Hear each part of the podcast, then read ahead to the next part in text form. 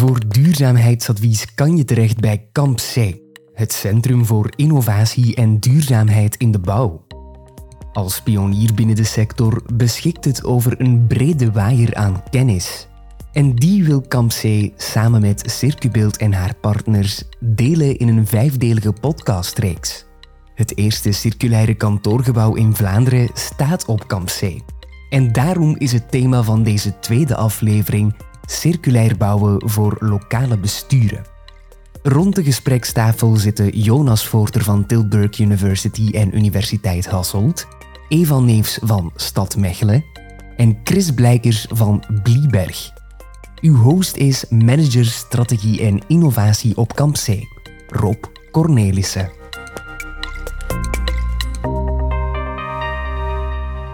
Welkom iedereen. Uh, we zitten hier met drie zeer interessante gasten aan tafel rond het thema circulair bouwen. Uh, we gaan een ambtenaar overtuigen vandaag om circulair te bouwen en ook wel waarom ze dat moeten doen. Jonas, je mocht je eens voorstellen en ik heb gehoord dat je een doctoraat hebt in circulair bouwen. Klopt, heel recent. 26 juni 2023 was het uh, D-Day en heb ik mijn doctoraat verdedigd. Het verhaal stopte daar gelukkig nog niet. Het hele circulaire gebeuren staat natuurlijk nog niet stil. Dus ben ik een postdoctoraal onderzoek gaan doen, zowel aan Universiteit van Hasselt, waar ik ook gedoctoreerd heb, als aan de Universiteit van Tilburg in Nederland. Om daar ook de blijde boodschap van circulair bouwen te brengen. En als je een doctoraat hebt in circulair bouwen, betekent ook dat je iets gebouwd hebt, of, of wat heb je gedaan? Uh, nee, maar goed dat ze dat niet aan mij gevraagd hebben. Uh, ik heb mijn doctoraat gedaan aan de rechtenfaculteit van de Universiteit Hasselt, om meer expliciet in te gaan op de juridische transitie naar zo'n circulaire economie in de bouw. Dus boeken in de plaats van uh, bakstenen. Zijn we eens in de podcast, dan hoor ik graag de conclusies van, van uw doctoraat. Prima. Voilà.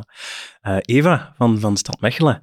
Uh, wat brengt u hier uh, vandaag in deze podcast? Wat mij hier brengt, dat is mijn 2,5 jaar ervaring bij de stad Mechelen. Ik ben daar destijds aangenomen op een project genaamd De Gemeente als Circulaire Bouwregisseur. En wat we eigenlijk wilden doen in dit project, uh, samen met de VUB, was bekijken op welke manier dat een lokale overheid eigenlijk de circulaire bouweconomie, die transitie daar naartoe verder kan doen versnellen. Ik heb menig wat uh, kleine zijprojectjes opgevolgd en hier en daar ook circulaire experimenten gelanceerd. En dat heeft ertoe geleid dat uw job nu de titel circulaire bouwer heeft. Uh, wat was het? Wel ja, over die titel, daar is nog wat discussie over, maar uh, ja, dat is, uh, dat is een volle, dat is een constante beweging. Dus op dit moment werk ik op een project rond sloop teams, waarbij we andere samenwerkingsvormen rond slopen proberen te testen en, en te onderzoeken. Dus. We mogen zeggen dat de stad Mechelen toch wel een koploper is op dat vlak, want jij zit, jij zit 100% aangesteld om met circulaire bouwprojecten bezig te zijn. Ja, dat klopt. Ik maak deel uit van het team Klimaat van de stad Mechelen. Het is daar zo dat ik daar deel uitmaak van een kleiner subteampje circulaire economie en dat mijn uh, volle bevoegdheid uh, het circulair bouwen is. Chris, dan nog, architect van opleiding, maar ook toch wel de ervaring in, in circulair bouwen nou, opgebouwd, hè Chris? Ja, inderdaad. Eh, de opleiding is architectuur geweest en ik ben dat ook meer dan 30 jaar lang geweest. Die ervaring of dat netwerk gebruik ik nu om hefbomen te zoeken en uit te proberen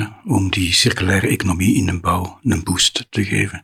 Dus niet zozeer architectuurprojecten, maar hefbomen ontwikkelen of uh, tools ontwikkelen. Je hebt uh, deelgenomen aan, aan, een paar grote projecten toch hè, de laatste jaren? Er waren een aantal uh, projecten van OVAM hè, of van Vlaanderen Circulair, dus gesubsidieerde projecten. Ik denk dat we daar straks op terugkomen. Cabrio bijvoorbeeld of Circubestek, ja.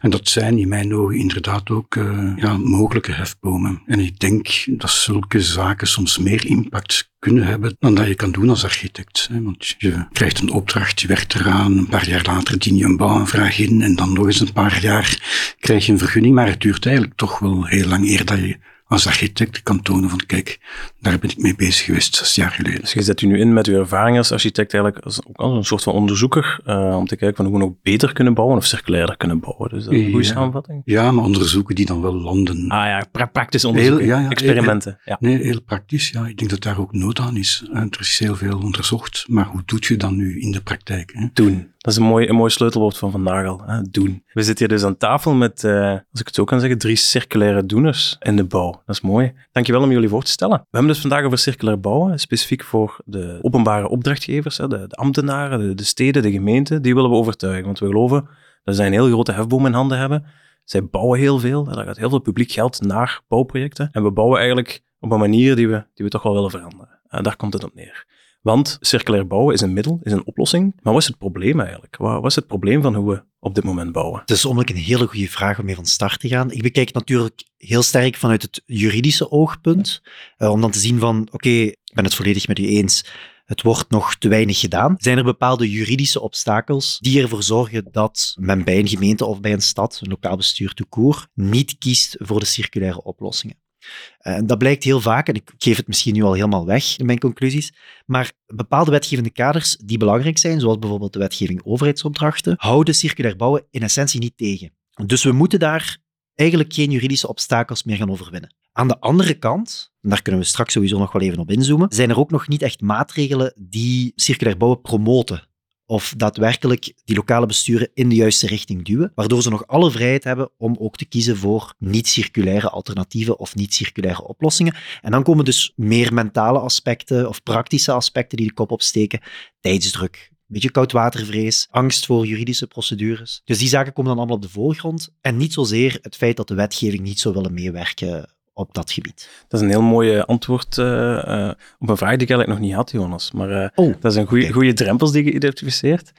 waarom zouden we tegen, tegen, een overheid moeten zeggen dat ze wel moeten circulair bouwen? Wat is het probleem? Wat is de impact van bouwen? Ja, de impact is natuurlijk enorm groot. Vandaag werkt het nog eerder lineair, waarin we dus grondstoffen gaan ontginnen, daar een gebouw mee plaatsen en achteraf dus met een hele hoop afvalstoffen zitten. De bouwsector wordt daar ook gezien als een cruciale sector, net omdat ze heel veel grondstoffen gebruiken en ook heel veel afvalstoffen genereren. En daar zit het probleem natuurlijk net. Sommige grondstoffen zijn eindig, raken op een bepaald punt natuurlijk ook op. En wanneer we dan kijken naar de toekomstige generaties, het idee van duurzaamheid dat daar dan in speelt, ja, dan gaan we op de lange termijn wel in de problemen komen. Terwijl gebouwen meerdere doelen zouden moeten kunnen dienen en in die zin eigenlijk ook al de materialen voor de toekomst moeten leveren. En die mindset zit er op dit moment eigenlijk nog niet in. Een gebouw wordt gebouwd om het dan even te kunnen gebruiken. Heel erg lineaire mindset.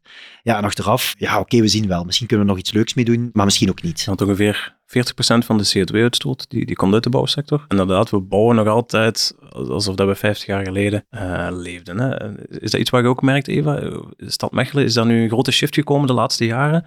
Merk je daar het probleem van het lineair bouwen? Ja, die shift is volop bezig eigenlijk. Dus de geesten zijn stilaan aan het rijpen in de richting van een meer circulaire economie. Maar om terug te komen op uw vorige vraag, wat ik mij altijd voor de geest haal, dat is het feit dat de periode waar dat we nu in zitten, een beetje het postmoderne denken waar dat we nog in vastzitten, dat dat de anomalie is. En dat uh, circulair bouwen tot op een 50 of 60 misschien al wat langer geleden, dat dat helemaal niet abnormaal was. Ik denk dat het dringend tijd is om dat gezond boerenverstand wat terug te krijgen bij ja, de verschillende grote bouwheren. En um, te bekijken hoe dat we op de meest optimale manier met onze grondstoffen kunnen omgaan. Voor mij blijft toch nog altijd het eindpunt dat we naar een uh, meer klimaatneutrale samenleving moeten gaan.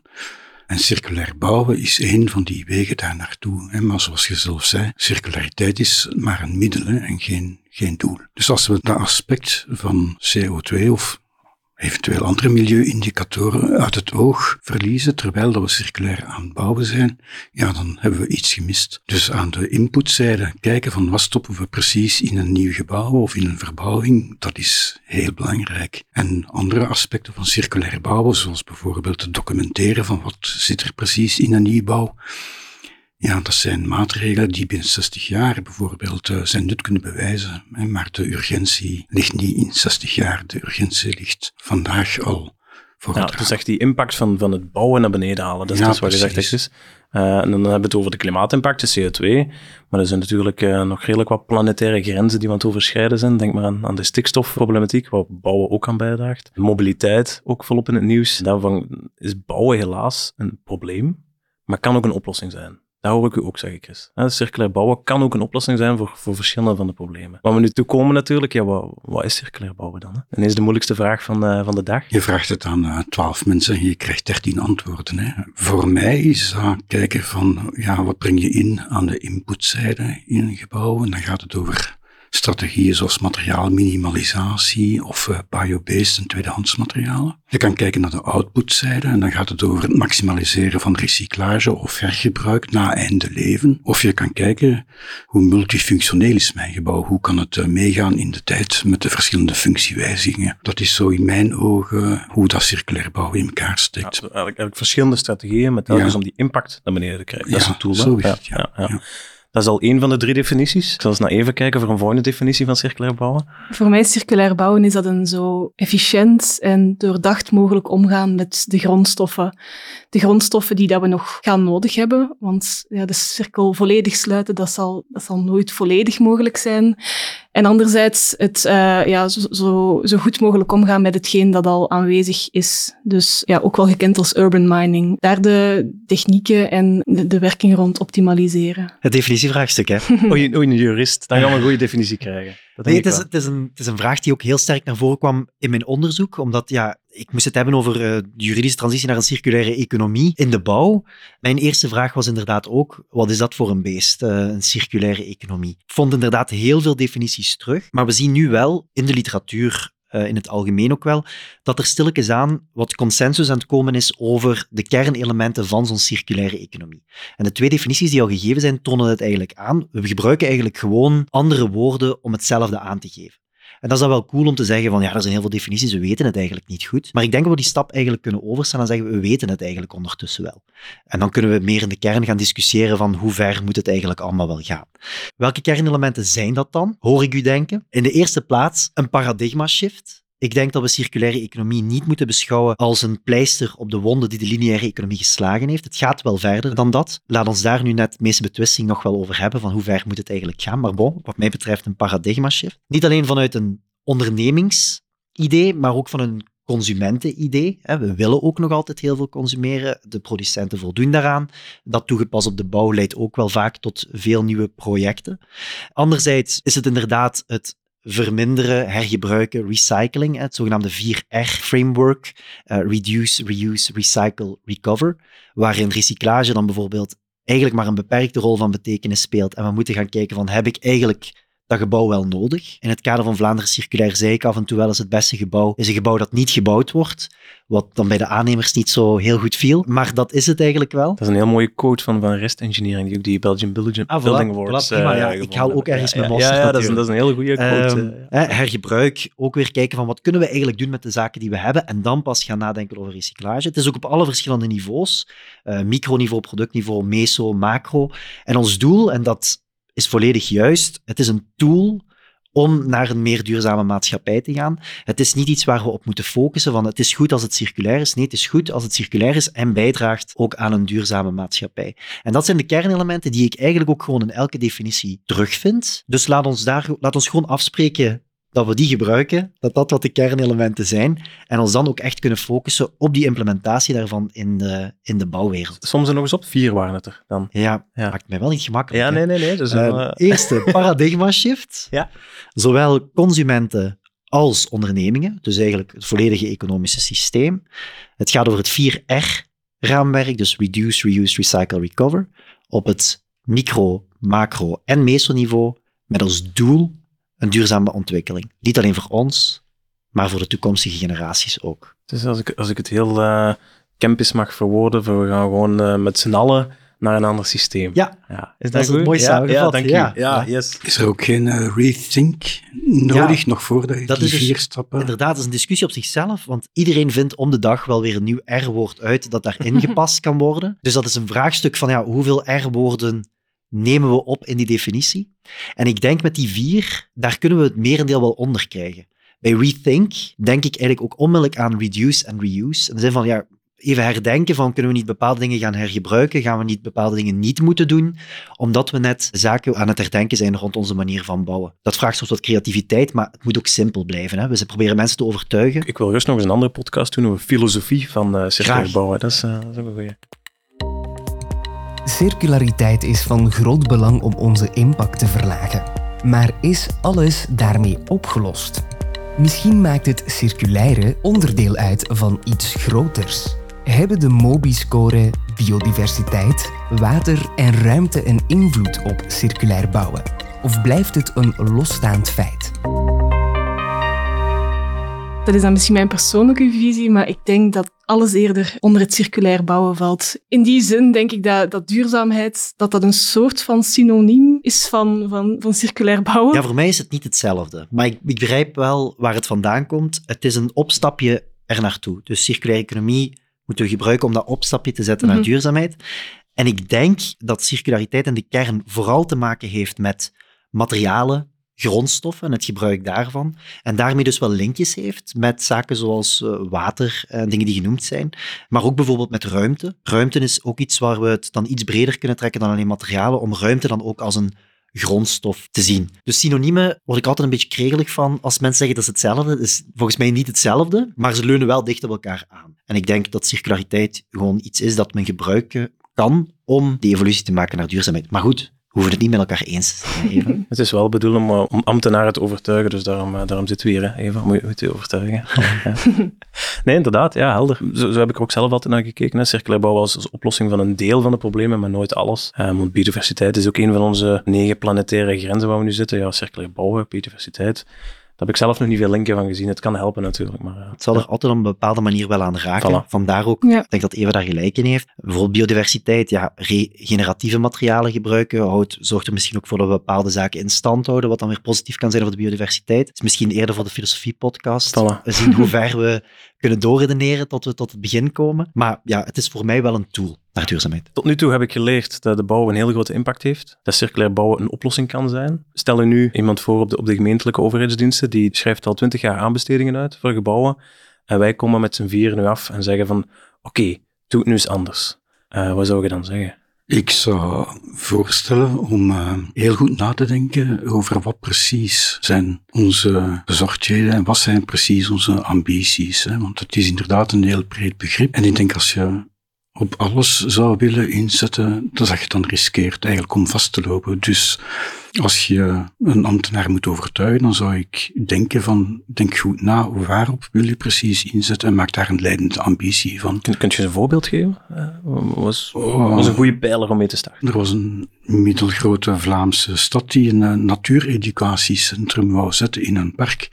En dan spreekt het van, hey, voor zichzelf eigenlijk, dat je dan gaat inzetten op bijvoorbeeld de tijdelijkheid dat je gaat inzetten op biobased materialen, dat je gaat nadenken over, is een tweede klasje binnen wel nodig, of kunnen we even goed een buitenklasje organiseren? Het is een natuureducatiecentrum tenslotte. Met dat voorbeeld wil ik ook tegelijkertijd aantonen eigenlijk dat het altijd een beetje op maat is van een opdrachtgever. Dus het uh, detecteren van de juiste ambities is heel belangrijk ook om dan uw schepen of uw burgemeester te kunnen overtuigen. En voor jij aankwam, wou ze misschien gewoon weer een, een klassieke betonnen blok zetten. Uh, uh, zoals ze het al twintig jaar aan toen waren. Ja, nee, voor ik aankwam waren ze inderdaad al bezig met een traject te lopen. En dat, dat waren dan containerklasjes na elkaar. Omdat ze denken van ja, een container dat is modulair, dat is standaard, dus is het circulair. Dus daarom is het ook uh, heel belangrijk om eigenlijk een breed palet te laten zien en hun te vragen van oké, okay, als je nu er vijf moet uitkiezen, welke vijf zijn dat dan? En dan met die vijf aan de slag te Dus een beetje doen laten dromen eigenlijk ook. En wel met ons doel om die impact te verlagen, maar misschien toch wel laten dromen van wat, wat kan het allemaal zijn? Ja, en vooral, het, allee, het moet realistisch zijn. Hè? Ik ben ook een hele grote voorstander om het niet te overlaten. Zeker niet de eerste keer dat je dat doet.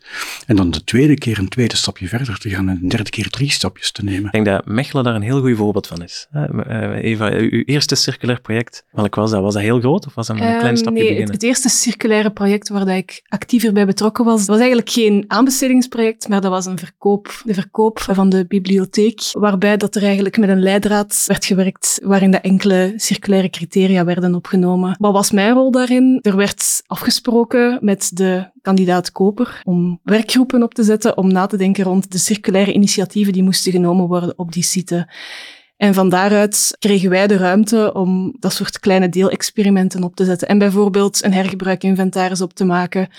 Of op zoek te gaan naar manieren waarop de structuur kon behouden blijven, bijvoorbeeld. En het is van daaruit dat wij inderdaad via kleine deelexperimenten aan die kennisopbouw doen. En, en dat eerste klein deelexperiment, hoe is dat begonnen? Is daar iemand, een externe langsgekomen van, oh, probeer dit eens? Of iemand bij jullie intern die eens iets anders wou doen? Hoe is dat eerste zaadje geplant? Er waren verschillende initiatiefnemers eigenlijk. Ja, we hadden die ambitie om van dit project het eerste circulair bouwproject van Mechelen te maken.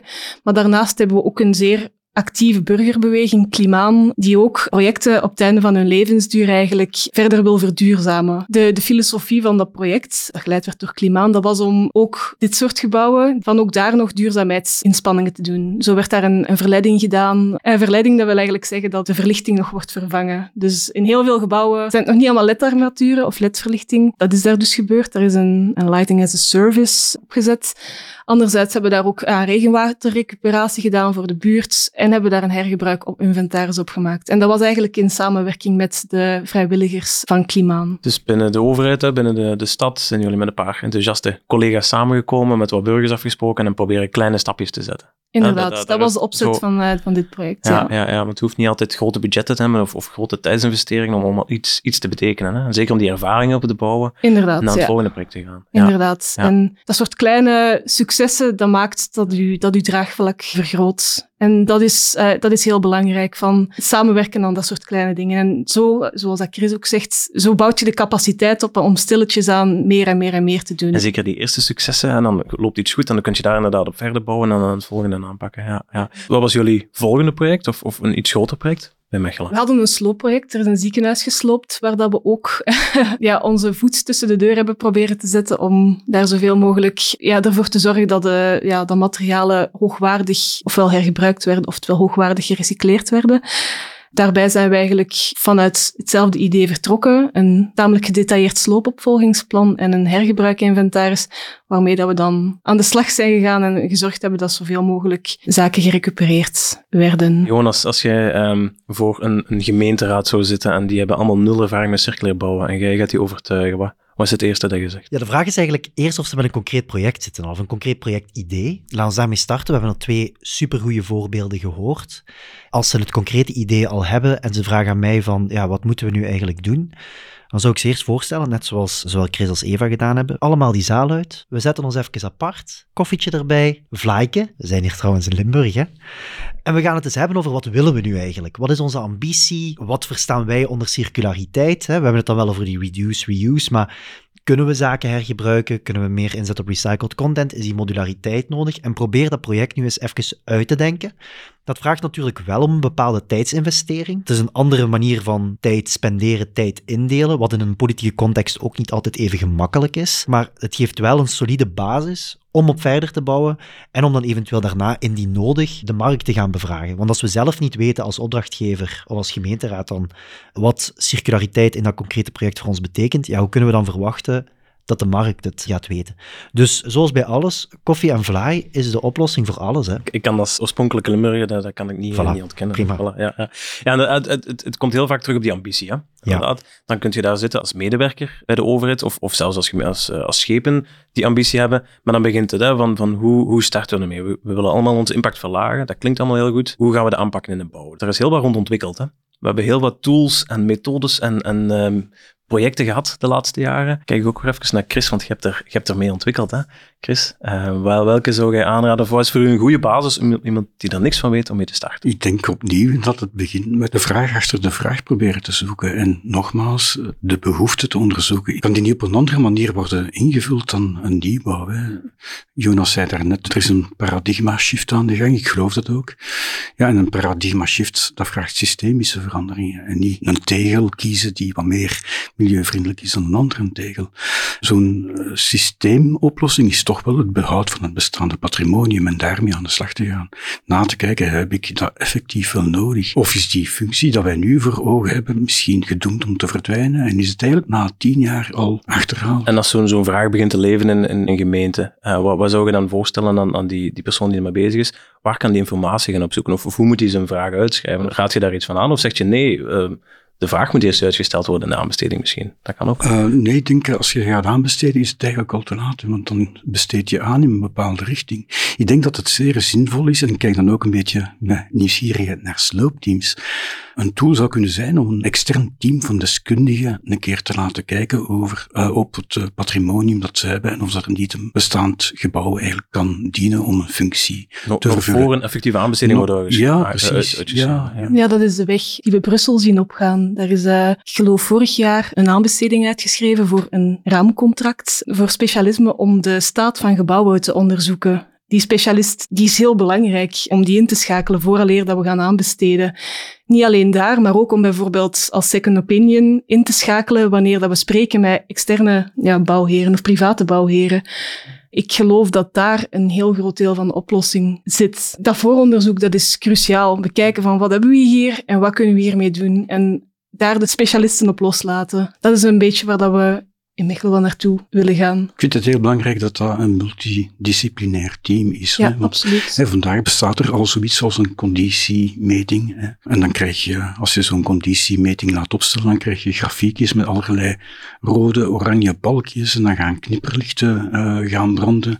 En zo'n conditiestaatmeting wordt dan een, eigenlijk een soort van alibi om te zeggen van kijk, we gaan het gebouw toch wel gaan slopen, want kijk eens hoe slecht het is. Terwijl dat natuurlijk nooit de bedoeling is geweest van conditiestaatmetingen. Dat, dat dient erom te kijken van waar kan ik herstellen en waar kan ik, uh, waar kan ik in investeren. Het is heel belangrijk om in dat team de juiste expertise te hebben die verder gaat dan alleen maar architectuur. Het voorbeeld in Brussel toont volgens mij inderdaad aan dat er nood is aan een twee-sporenbeleid. Zeker in dat voorbereidingstraject spelen er andere vragen, andere noden, andere behoeftes. Als we ervoor kiezen om dat patrimonium vast te houden, dat we ook allemaal graag willen, in een circulaire gebouwde omgeving, dan roept dat inderdaad de vraag op van ja, wat zit er eigenlijk allemaal in dat gebouw?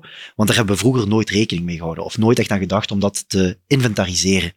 Bij nieuwbouw hoop ik dat dat vanaf nu wel standaard gebeurt. Dat men standaard wel gaat opnemen uh, van deze materialen zitten erin en dit zullen we er eventueel achteraf nog mee kunnen doen. En dat tweesporenbeleid is heel interessant en dat is dus iets wat men in het achterhoofd moet houden als men een project begint. Dus ik ben heel blij om te zien dat er in Brussel al initiatieven in die richting worden genomen. Ik denk dat dat echt een stap in de juiste richting kan zijn. Welke materialen er al dan niet behouden of gebruikt kunnen worden in een circulair bouwproces, vraagt het nodige onderzoek. Een voorstudie is een mogelijke oplossing, maar hoeveel kost dat? En is het haalbaar voor elk project? hangt er vanaf. Ik denk dat een, uh, ik was een beetje getriggerd door het woord studie inderdaad, want dat impliceert een kostenelement. Ik denk dat het niet per se geld hoeft te kosten. Kan natuurlijk wel, hè, als, er, als er een nood aan is. Uh, maar het kan ook gewoon al wenselijk zijn om de markt eens een keer te bevragen, de markt eens een keer te consulteren, om te zeggen van kijk, we spelen met dat idee. Kom eens een keer op bezoek bij de werf waaraan we rond willen werken. En wat zien jullie? Zien jullie opties? Zien jullie mogelijkheden op het eerste gezicht al? Waaruit misschien blijkt van ja, dit kan helemaal niet of dit kan helemaal wel. En dat kan dan een bepaalde richting uitsturen. Dus eigenlijk niet per se studie, maar gewoon eens even nadenken, in gesprek gaan en proberen daar al wat informatie uit te winnen. Blijkt er dan uiteindelijk toch nog verder onderzoek nodig? Ja, dan kunnen we die stap inderdaad wel zetten. Maar wat dat er daar de kostprijs van is, dat weet ik ook niet onmiddellijk. Ik denk uh, samen met jou, Jonas, dat je in twee stappen moet werken eigenlijk. Hè. Je gaat eens het gebouw gaan bekijken en dan kan je eigenlijk al bij een eerste keer detecteren van waar is er meer onderzoek nodig. Het kan zijn dat daar fantastische ribbenvloeren in beton in zitten die 12 meter ineens overspannen. Maar dan moet je even nakijken en dan haal je bijkomende expertise in huis. Dan moet je even nakijken van, kijk, voldoet dat draagvermogen nog? Moet ik er een ingenieur stabiliteit bij halen enzovoort. Dus een eerste uh, visite, dat kan heel beperkt zijn in de tijd, maar dan ga je detecteren van wat is er nodig in een tweede stap. We zitten dan in de fase van, van inspiratie opdoen eigenlijk. Hè? Dus de, de ambtenaar of, of, of wie, het ook, wie ook de opdracht gaat uitschrijven, die gaat proberen informatie te verzamelen. Dat kan door met de juiste partijen te gaan spreken zijn. Dat kan ook zijn om, om de circulaire principes te gaan opzoeken ergens. Hebben jullie daar goede tips voor? Ik weet dat zelf, waar we nu zitten. En bij, bij Palindroom heeft een heel mooie reeks van 100 op 100 gemaakt van hergebruik. Ik denk dat dat al heel inspirerend kan zijn uh, om te gaan kijken van hoe kunnen bepaalde gebouwen of sites hergebruikt worden. Hebben jullie zo nog goede, goede voorbeelden van, van databases, circulaire kennis? Uh, op uh, circuitbeeld uiteraard. uiteraard. Allee, laten we daarin eerlijk zijn. Allee, dat is de referentie om uh, kennis te vergaren. Hè. Dat is naar circuitbeeld gaan kijken en dan te gaan kijken onder de verschillende hoofdstukken bij producten, bij voorbeeldprojecten enzovoort. Ik refereer ook aan uw projecten, Chris, hè, de, de, twee onderzoeksprojecten die je hebt gedaan de laatste jaren. Kunt je daar even iets over zeggen? Ja, ik ga toch nog even inpikken op uh, wat hij zei van referentieprojecten. Ik denk dat het super uh, nodig is dat er inderdaad een boekwerk komt met geslaagde uh, herbestemmingen. En dat hoeven niet altijd monumenten te zijn of erfgoed te zijn. Ik denk dat de Brusselse bouwmeester ook onlangs zei van, ook tussen haakjes banale gebouwen verdienen het soms om uh, bewaard te worden en herbestemd te worden of gepimpt te worden. Dus laten zien door middel van voorbeelden, foto's, kijk eens hoe sexy dan een verbouwing kan zijn of een renovatie of een herbestemming kan zijn. Dat is een heel belangrijke. Beelden werken nog altijd veel krachtiger dan een uitgeschreven tekst. Ja, om, om terug Brussel erbij te nemen. Men heeft in het Brusselse een teveel aan kantoorgebouwen, bleek uit de coronacrisis. Men heeft daar een tekort aan schoolgebouwen en aan woongebouwen. Wat heeft men daar gedaan? Er is een hele taskforce opgericht om eigenlijk de reconversiemogelijkheden van kantoorgebouwen naar scholen en woongebouwen te onderzoeken. En daar beginnen stilletjes aan wel heel sprekende en mooie voorbeelden uit te verschijnen. Dus uh, ik denk inderdaad dat, uh, dat we hier een nieuwe reeks hebben hè, uh, ja. van projecten om overheden of bouwheren te, te, inspireren. Ja, wat dat Brussel doet, is, allee, dat maakt het bijna vanzelfsprekend mm -hmm. wordt dat ook andere besturen met dat idee aan de slag gaan, omdat ze zien van kijk, in Brussel marcheert het, dus waarom zou het bij ons niet haalbaar zijn. Ik denk dat we daar ook gewoon trots op mogen zijn, op de realisaties die we tot nu toe hebben gedaan. Kamp C is daar ook een voorbeeld van. Die hebben al veel project gedaan. Stad Mechelen uh, is er volop mee bezig. Als ik zie naar wat de cultuur is in Nederland, daar presenteert men dat veel sterker, plaatst men dat veel sterker in de markt. Om de zoveel tijd krijg je daar wel een boekje in de bus met uh, kijk eens naar al deze projecten die wij hier doen en die een circulaire insteek hebben. Ik denk dat er in België minstens evenveel projecten te vinden zullen zijn, maar die zijn veel moeilijker om terug te vinden en zo binnen handbereik te hebben. Dus dat kan ook inspirerend werken. Zolang we daarop wachten, over de grens heen, bijvoorbeeld in Nederland, kunnen we ook altijd wel gaan zoeken naar goede voorbeelden, zoals bijvoorbeeld de tijdelijke rechtbank van Amsterdam. Dat is ook zo'n type voorbeeld dat veel wordt genoemd. Dus beperk u niet tot de kerktoren, maar probeer ook wat verder te kijken in afwachting van dan een Belgisch boek rond circulaire gebouwen met geslaagde projecten. Dat zou wel echt een heel goed idee zijn. Er bestaan heel veel inspirerende voorbeelden uh, in, in de sector, uh, zowel bij ons in Vlaanderen als in Nederland. Uh, nu, om met die inspiratie echt iets te gaan doen, hebben we handvaten nodig. Moeten we die naar stap 2 gaan, naar ambities bepalen. Hoe doen we dat best? Er bestaan verschillende tools voor, handvaten om, om dat te doen.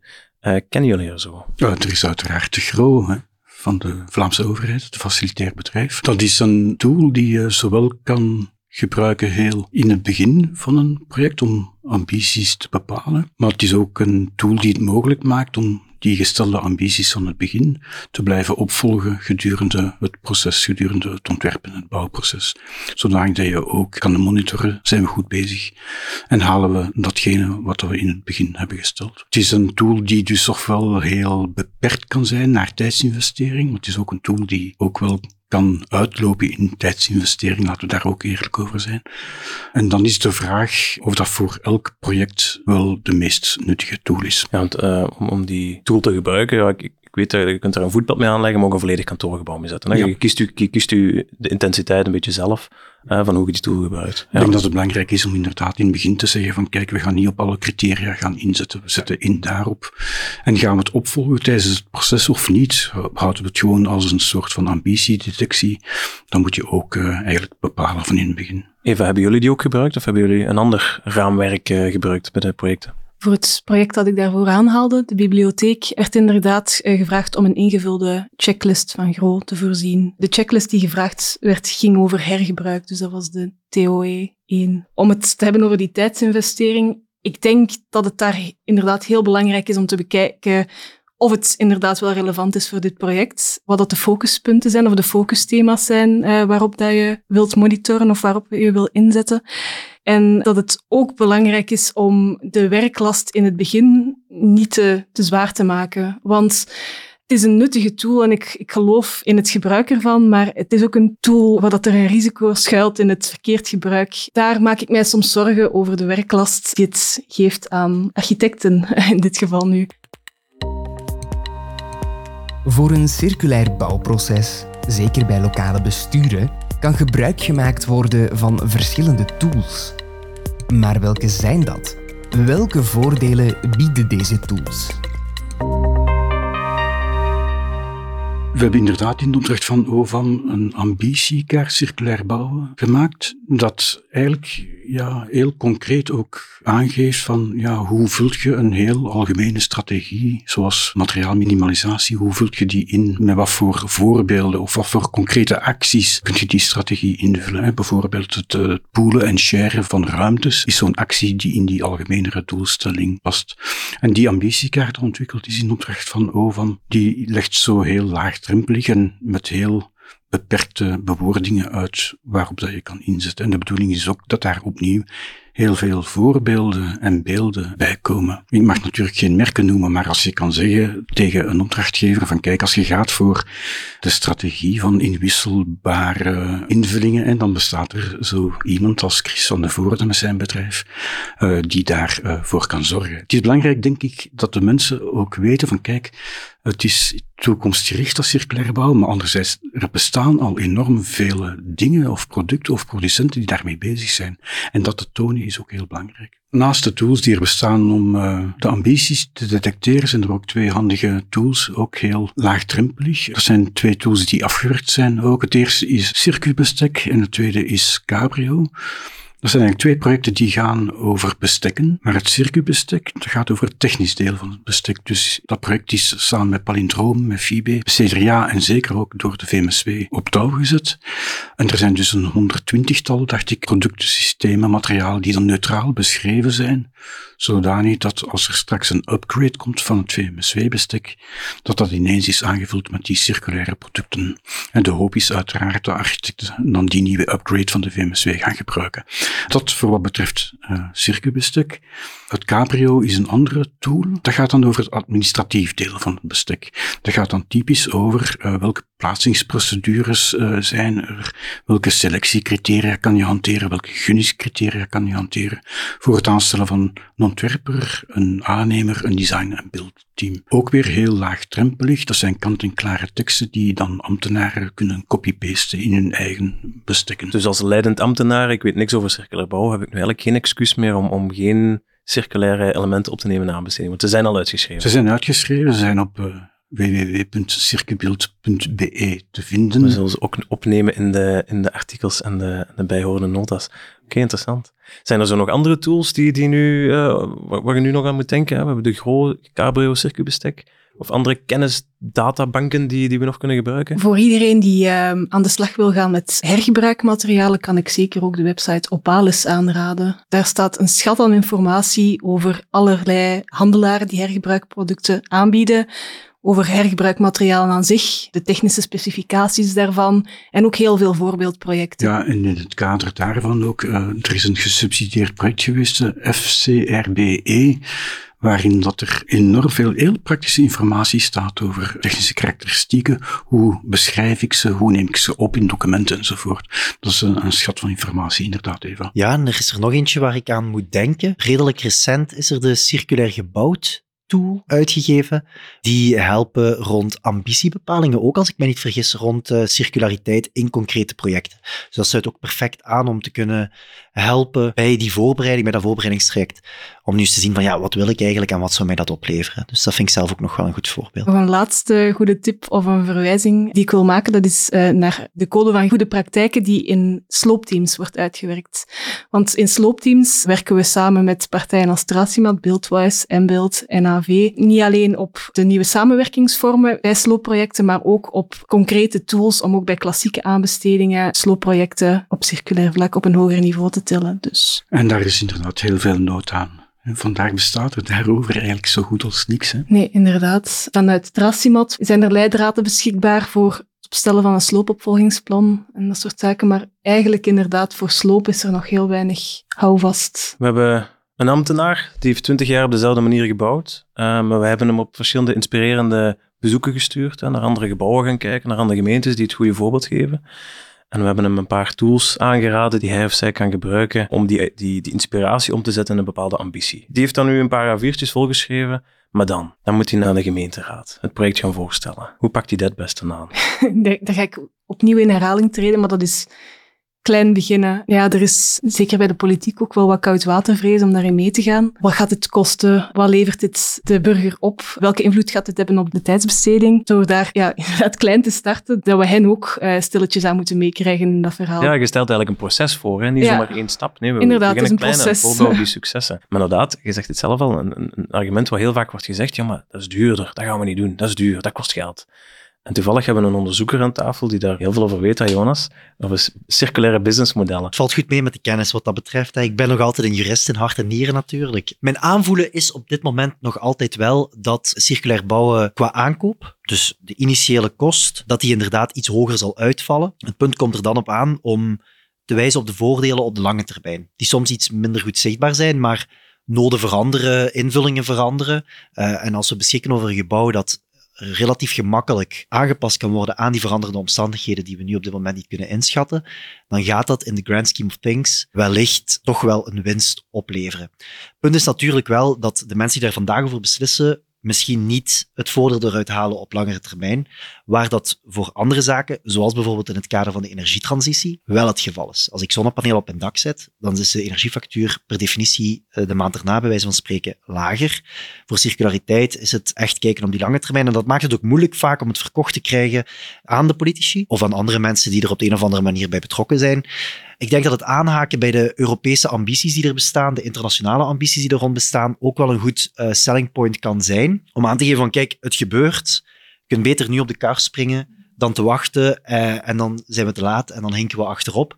En dat mag ook niet de bedoeling zijn. En ik denk dat dat ook iets moois is om aan de burgers aan te bieden van, kijk, jullie zijn eigenlijk aan het pionieren. Uh, en jullie kunnen echt deel uitmaken van die transitie met mooie gebouwen voor de stad. Maar niet alleen voor jullie vandaag, maar ook voor de toekomstige inwoners van het lokaal bestuur dan. Je spreekt inderdaad over, over die verplaatsbare binnenwanden ook. Dat is een businessmodel wat volgens mij nu al klopt. Een, een kantoorgebouw wordt om de zeven jaar gerenoveerd. Als je nu nog gaat metsen in je kantoorgebouw en je gaat over zeven jaar daar staan met een sloophamer, dat is gewoon jammer. Er bestaan nu al bedrijven inderdaad waar, waar je je binnenwanden kunt huren of zelfs terugverkopen als je gaat renoveren. Volgens mij is dat een businessmodel wat nu al klopt. Maar anderzijds, het argument van we letten alleen op de centen is, is niet de bedoeling van circulair bouwen. We willen net de maatschappelijke en de ecologische voordelen van anders te gaan bouwen benadrukken. Maar als die in, in de ruil geen CO2 uitstoot voor, voor, voor al de bouwmaterialen, als die een heel lage impact heeft op klimaat, ja, dat is ook een voordeel. Maar hoe gaan we dat meten? Kunnen we het zo het verhaal verkopen aan, aan politici? Ik ben het een beetje oneens met de stelling dat circulair bouwen een beetje duurder is. Hè. Dat hangt er vanaf van welke actie neem je.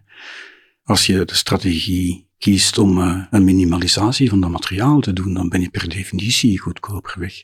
En dat is geen theorie, dat is de praktijk. Als je in een industriegebouw van 16.000 vierkante meter al die interne brandwanden kan schrappen, omdat het evengoed door andere uh, manieren kan opgelost worden die functionele behoefte van brandveiligheid, ja, dan ben je aan het besparen. En dat is ook hoe ik dan te werk ga. Ik bouw eerst een spaarpotje op door materiaalminimalisatie en met dat spaarpotje ga ik dan die zaken proberen erin te krijgen die wat meer circulairder zijn. Denk aan sommige biobased producten zijn nu eenmaal duurder dan uh, de klassieke isolatiematerialen. Maar als je minder van moet toepassen, ja, dan kan het onder de streep natuurlijk uh, nog altijd voordeliger uitkomen. Ja, we komen er niet onderuit, die economie, dan blijft de tweede vraag. Hè. De eerste vraag is van wat is precies circulair bouwen en de tweede vraag is inderdaad wat kost dat. Maar door die strategie van materiaalminimalisatie en dat spaarpotje krijg je toch dingen erdoor, ja.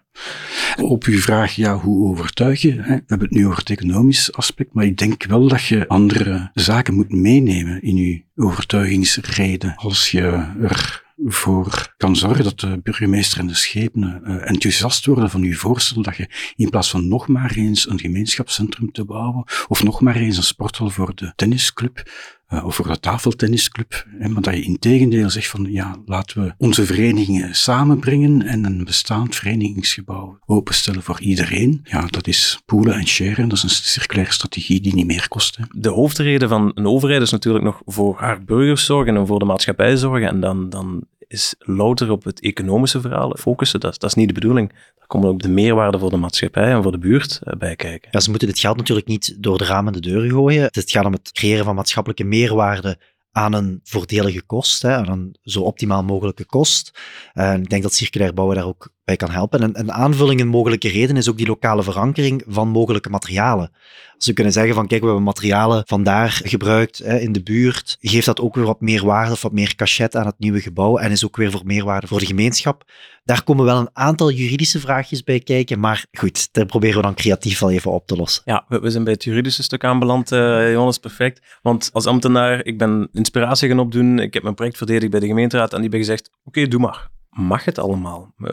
Kan ik een circulaire aanbesteding opstarten? Tuurlijk, het kan allemaal. Hè? Dan moeten er ook nog bepaalde keuzes worden gemaakt. In het kader van die aanbesteding spelen ook weer heel veel vragen. Welke aanbestedingsvorm kies ik? Welke gunningsprocedure? Wat zijn in hemelsnaam die criteria die ik allemaal in dat bestek moet steken, zodat ik ook daadwerkelijk een circulair gebouw krijg? De markt kan eventueel nog bevraagd worden of geïnformeerd. We hebben vooraf gezegd dat we geen reclame moesten maken, maar Camp C heeft dat eigenlijk opnieuw heel goed gedaan door de markt eigenlijk aan te geven van kijk, dit is wat wij verstaan onder circulariteit, dit is waar wij op willen inzetten en dit is wat jullie moeten gaan doen. Dat helpt natuurlijk wel. Zo weten zij al van oké, dit is waar ik mij aan kan verwachten, dit is wat er moet gebeuren. Zij kunnen daar eventueel nog op een bepaalde manier feedback op geven. Dus ook weer heel veel knopen die moeten worden doorgehakt. Het spijtige is dat daar geen unieke oplossing bestaat. Het is niet van doe dit en het is altijd circulair.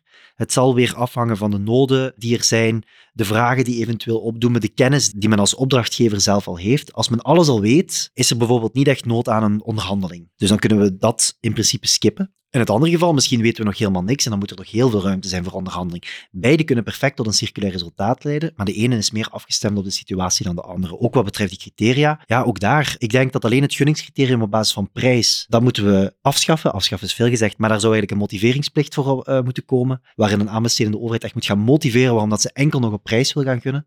En al de rest leidt u eigenlijk tot levenscycluskosten of beste prijs-kwaliteit verhouding, waarin dan wel ruimte is voor zo'n circulaire insteek. Maar het is dus de tools gebruiken die voorhanden zijn, een beetje terug naar wat ik aan het begin zei. Die wetgeving is op zich niet problematisch, maar het stimuleert je ook niet om de juiste lees-circulaire keuze te maken. Nu, raakt wel een van de hoofdpunten aan, Jan, aan besteden op prijs. Hè. Die focus is echt verlegd naar prijs. Hè. Voor de laagste prijs een bepaalde opdracht uitvoeren en klaar. Kunt u nou denken, als een ambtenaar heel veel kennis heeft op bepaalde eigenschappen, dan wordt dat juiste gevraagd. Mag ik stellen dat hem dat verwaterd is. Hè? Dus, dus de, de, pure gunning op prijs, dat dat een, een obstakel is binnen beginnen worden. Uh, absoluut. Toen ik begon aan mijn um, onderzoek, en ik, ik zeg ook niet dat lokale besturen dat bewust doen om altijd de prijs er zomaar in te steken. Ik denk dat dat een praktijk is die een gewoonte is geworden. Uh, en aan het begin van mijn onderzoek werd er hier en daar geopperd van, ja, de wetgeving verplicht ons om zoveel procent te wijden aan de prijs. Ja, ik heb in de wetgeving gezocht. Ik werd ook een beetje moedeloos. Allee, ik werd een beetje bang. Ik denk van, oei, mijn opleiding was niet goed genoeg. Ik vind dat hier nergens terug. Maar de UHassel heeft zijn werk wel degelijk goed gedaan. Het staat er gewoon niet in. Dus er is geen verplichting. Het is gewoon zo'n gewoonte geworden dat mensen denken van ja, dat zal wel ergens in die wetgeving staan dat ik dat moet doen. Dus dat moet helemaal niet. En van zodra mensen dat weten, opent het perspectief ook en zeggen oké, als we dat niet moeten doen, dan kunnen we het misschien ook wel op een andere manier gaan doen. Oké, dan spelen misschien wat praktische bezwaren. We moeten het ook verkocht krijgen intern, uh, financiële diensten en zo, die ook maar moeten kijken van ja, wordt het geld hier niet gewoon opgesoupeerd zonder goede reden. Dus dat prijsaspect is problematisch, maar ik denk dat het problematischer nog is dat mensen ook daadwerkelijk denken dat het zo moet en dat ze daar niet overheen kunnen stappen.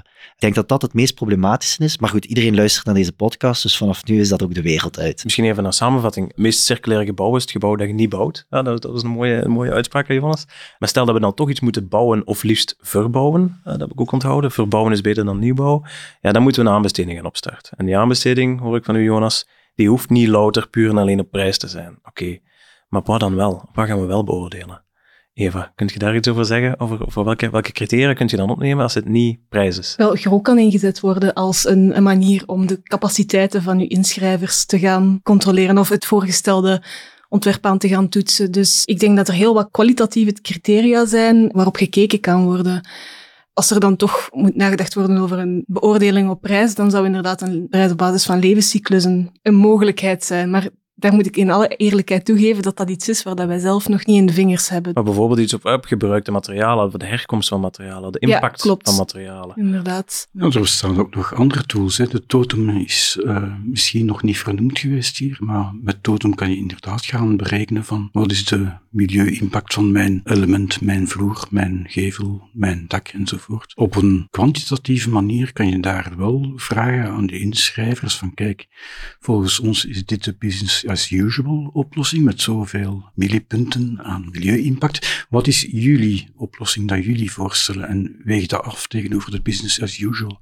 En je kan daar een punt of twee punten voor krijgen. En laat dan de creativiteit van de indiener maar spelen. Hè? Ah, ja. Geef ze maar ruimte. Uiteraard. Ja. Maar het hangt natuurlijk wel af van welke aanbestedingsvorm kies je. Wat ik nu vertel is typisch voor een design en build, hè, waar dat de aannemer en de architect eigenlijk als één team een voorstel indienen. Ja, ik denk wat betreft de criteria ook nog belangrijk is om te vermelden. We hebben het gehad over inspiraties en voorbeelden, goede voorbeelden. Maar ik denk dat we ook heel veel kunnen leren van slechte voorbeelden of voorbeelden waar het niet goed is gegaan, die bijvoorbeeld afgeschoten zijn door de Raad van State op bepaalde manieren, zodat men in de toekomst het ook beter kan doen. Het is allemaal leuk om naar prentjes te kijken van goed gebouwde circulaire gebouwen, maar aan de andere kant, sommige zaken gaan ook gewoon mis. We moeten dat ook niet onder de mat uh, schuiven. En daar kunnen we dan ook weer voor leren. En dan opent zich eigenlijk een spoor. Als we het prijscriterium volledig buiten beschouwing laten, spelen er twee opties. Of we gooien het volledig over de kwantitatieve boeg. En we zeggen levenscycluskosten, we krijgen een score en die score wint. Of we kijken naar de beste prijs-kwaliteit verhouding, waar er nog ruimte is om kwalitatief wat op criteria te spelen.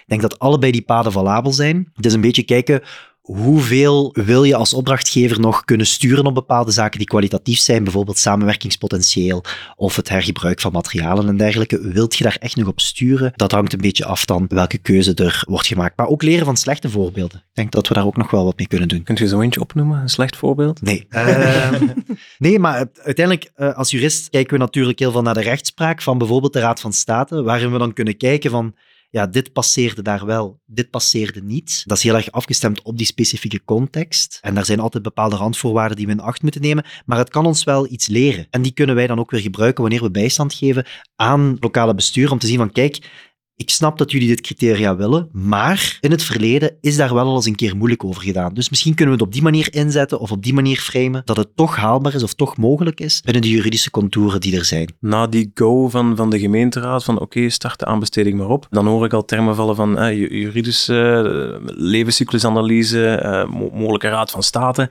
Dat kan allemaal afschrikken. Wat, zouden jullie aanraden voor, voor iemand die gewoon in de administratie werkt? Om met zijn aanbesteding te starten, heeft hij een extern bureau nodig om zich te laten begeleiden? Of moet hij net zoveel mogelijk vrijheid laten in de aanbesteding? Moet daar ergens begeleiding bij zitten? Ik denk wel, als je in je genugscriteria stelt van uh, voeg een berekening bij via totem, ja, dan moet je wel zeker zijn dat je zelf die kennis hebt om het te beoordelen. En voor grotere steden of grote organisaties zal dat nog wel lukken, maar voor kleinere waarschijnlijk niet. En dan is het natuurlijk wel raadzaam om daar iemand extern bij te hebben, van in het begin, bij het opstellen van de criteria en bij het beoordelen van de criteria. Is dat een Mechel ook even, of, of zit jij daar de persoon die alle kennis heeft? Ik ben de persoon die de kennis aan het opbouwen is. Ja, ja, voilà, ja. Er is heel veel aan het gebeuren. Maar ik geloof ook inderdaad dat uh, kleinere overheden niet de capaciteit hebben om dit allemaal zelf in huis te hebben.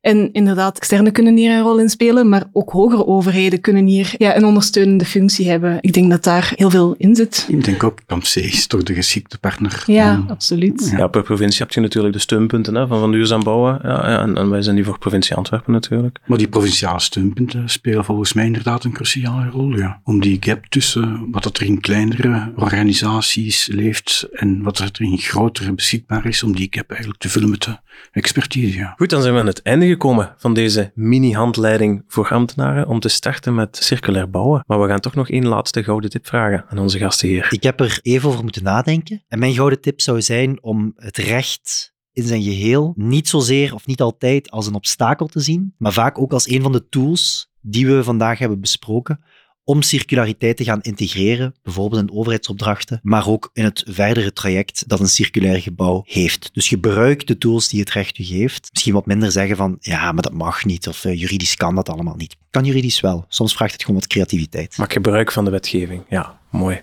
Chris, een laatste tip. Zoek een leidende ambitie.